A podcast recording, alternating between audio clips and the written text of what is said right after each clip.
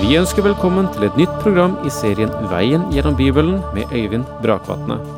Denne studieserien er produsert av P7 Kristen Riksradio og bygger på serien Through the Bible av Vernon McGee. I dag fortsetter vi med profeten Habakuk.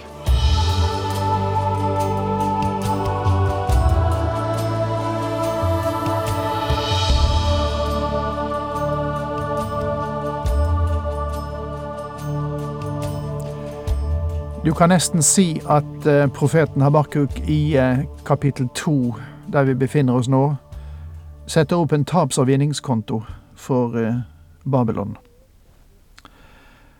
Og det som er kjensgjerningen, sett fra Guds synsvinkel, som jo profeten representerer, er at dette regnskapet viser ikke bare stygge, men de aller styggeste røde tall. Det er et bo som er konkurs. Det er et eh, bo som ikke har noen mulighet, ingen fremtid har, om det ikke overlater sin vei og sin fremtid i Herrens hender. Det må eh, skiftes helt om. De må gå i en annen retning. Hele samfunnet må eh, eltes om hvis det skal ha noen mulighet for en fremtid. Habakuk meisler ut de negative tall, de negative trender, i Babylons liv gjennom fem vedrop. Vi befinner oss inne i det fjerde, som viser en, et forfall eh, symbolisert gjennom drukkenskap. En drukkenskap som fører til en kolossal umoral, og til enda et forhold, nemlig til vold. Og vi går inn igjen i vers 17 i kapittel 2, altså profeten Havakuk, kapittel 2, vers 17. Og der står Ditt voldsverk mot Libanon skal komme over deg selv. Du skal knuses fordi du mishandlet dyr, fordi du utøste menneskers blod og gjorde vold mot landet, mot byen og alle som bor der. Vold er ennå en frukt av den drukkenskap som florerer. Fra den springer mye umoral. Narkokulturen, den grove umoral, den stigende skilsmissefrekvens, alt dette florerer også i vårt moderne samfunn og det kan føres tilbake i stor grad til hangen etter alkohol. Det femte vedrop i Guds fordømmelse gjelder den største synd av dem alle. Hva gagner et gudebilde selv om det er skåret av en mester? Hva gagner et støpt bilde som gir falske svar, om enn mesteren stoler på sitt verk, de stumme gudene han har laget? Ved den som sier til stokken våkn opp, til en målløs stein stå opp. Skulle den gi rettledning? Visst er den kledd i gull og sølv, men ånd er det ikke i den. Drukkenskap er ikke den største synd. Det er en konsekvens. Den største synd er avgudsdyrkelse, falsk religion, det å venne seg til avguder i stedet for å venne seg til Gud, det er det mest kritiske punkt. I dommerboken nedfelles et stort prinsipp når det gjelder å forvalte makt, et prinsipp som også er sterkt og klart understreket hos profeten Jesaja. Alle de etterfølgende profetene formidler bare videre og tillemper dette prinsipp som allerede er utformet, og prinsippet er dette. Det finnes tre skritt frem mot en nasjons sammenbrudd. Først av alt er det det religiøse frafall. Det andre skritt er det moralske forfall. Og det tredje skritt er det politiske anarki. Og det er langs linjen der disse tre skritt er hovedposter i et samfunn, at det raderes bort fra menneskets historie. Denne linjen har tidligere verdensriker beveget seg langs. Og leser du historien, så vil du se at det primære problemet aldri var politisk anarki. Det primære pro problemet var aldri moralsk forfall.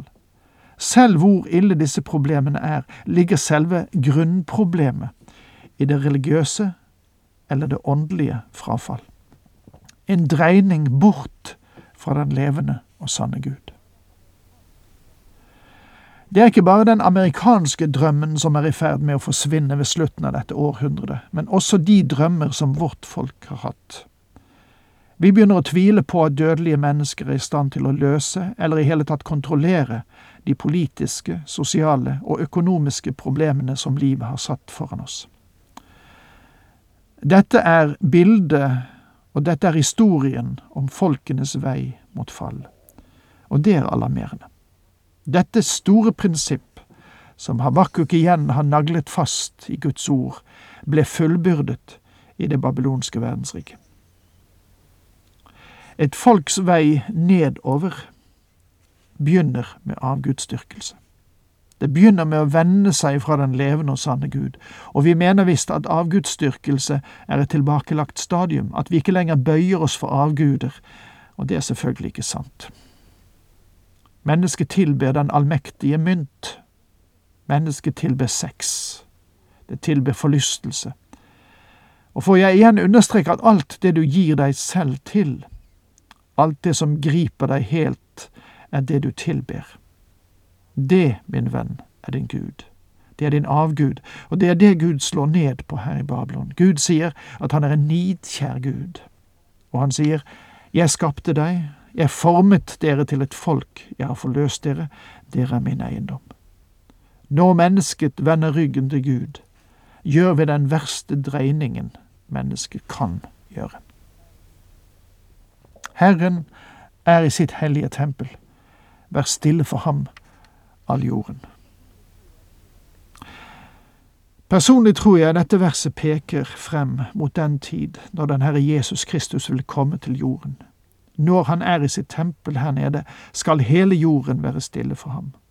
Alt bråk, all protest, all forvirring skal være borte da. Men det er også sant at dette har noe med dagen i dag å gjøre. Årsaken til at vi har så mange vanskeligheter og problemer her nede, er at selv om Han er i sin himmel, selv om Herren er i sitt tempel, bøyer ikke mennesker seg for ham og anerkjenner ham. Det ville vært strålende hvis mennesket generelt sett kunne ha en uke med stillhet og refleksjon. Ville det ikke vært fantastisk om våre kranglende politikere hadde tidd stille en uke? Ville det ikke vært betydningsfullt om alle vi predikanter kunne være tause en uke? Ville ikke det gitt oss en ny mulighet om alle som prater så mye, ville holde tett i syv dager og vente på den allmektige Gud? Herren er i sitt hellige tempel. Vær stille for ham, all jorden. Men den andre salme åpner med et spørsmålstegn. Hvorfor? På samme måte som Habakuk stiller spørsmål, gjør salmisten det. Hvorfor er folkeslag i opprør? Hvorfor legger folkene unyttige planer? Hvorfor all denne skramlingen? Hvorfor all denne protesten? Fordi de er langt borte fra Gud. Nasjonen har glemt at Gud i dag er i sin himmel. Browning hadde feil da han sa at Gud er i sin himmel og alt er vel på jorden. Gud er i sin himmel, men alt er galt på jorden fordi mennesket ikke står i et rett forhold til Gud. Vårt grunnproblem i dag er problemet som angår menneskets forhold til Gud. Mine venner, det er bare ett alternativ det er bare én vei. Habakuk har nevnt den og satt den i relieff til det som skjer. Den rettferdige skal leve ved sin tro. Det var kapittel to hos denne lille, men skarpe profet. Nå går vi over til kapittel tre. Når vi kommer til dette tredje kapitlet i Habakkuks bok, merker vi at det har funnet sted en veldig forandring i Habakkuks liv. Når vi kommer til slutten av dette kapitlet, ser vi at denne mannen har vendt ansiktet en annen vei. Boken åpnet i mørke og dysterhet. Habakkuk var et eneste stort spørsmålstegn, og han har nå stilt Gud mange spørsmål. Men nå avsluttes denne boken i herlighet med et veldig utropstegn. Den avsluttes med et hallelujakor, og du vil neppe finne en mer tillitsfull tro enn den som ble uttrykt i siste del av denne boken. Vi kan dele dette kapitlet i tre klare avsnitt. I de to første versene møter vi profetens bønn. Guds program møter vi i grunnriss i versene 3 til og med 17. Og så avsluttes kapittelet med profetens stilling i versene 18 og 19. En bønn av profeten Habakuk som en klagesalme. Vi kan med rette stille spørsmålet om hvorvidt dette er en klagesalme med innslag av lovsang, eller om det er en lovsalme med innslag av klage. Jeg må si at jeg velger det siste alternativet. I alle fall har ordet shigionot å gjøre med musikk, og Habakkuks bønn er et stykke hebraisk poesi. Det har skjedd en forvandling i Habakkuks liv. Hans herlige opplevelse da han sto på muren og tålmodig ventet på Guds svar, har ført ham til en avklart tro og åpnet hans øyne for noe han ikke var klar over tidligere. Og Derfor er dette kapittelet hans sang. Du kan gjerne kalle det en folkesang. Den kan spilles med et strengeinstrument, og ifølge siste setningen i dette kapitlet som sier til korlederen med strenge spill, så kan du jo prøve deg. Jeg går ut fra at dette er et lite notat Habakuk har satt der for å antyde hvordan hans bønn burde synges. De fleste folkeslagene i dag synger vel til akkompagnement av et strengeinstrument. Jeg går ut ifra at strengespillet på Habakkuks tid ikke var så øredøvende som mange grupper behandler sine strengeinstrumenter i våre dager. Det var ingen forsterkeranlegg da. Det er godt at vi har lover som forteller at vi har ytringsfrihet i vårt land, men kanskje vi trenger en tilleggsbestemmelse, der vi også har frihet til å bevare ørene intakt, i stedet for å lytte til mye av det skrammel som får passere som musikk. Men det var nå et lite hjertesukk fra min side da. Jeg har selv hatt tenåringer og har vært igjennom stønnet, jeg også.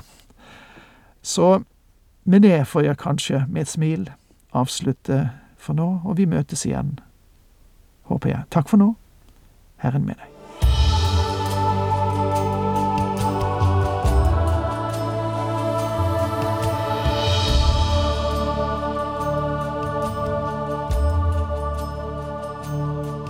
Du hørte Øyvind Brakvatne i studieserien Veien gjennom Bibelen.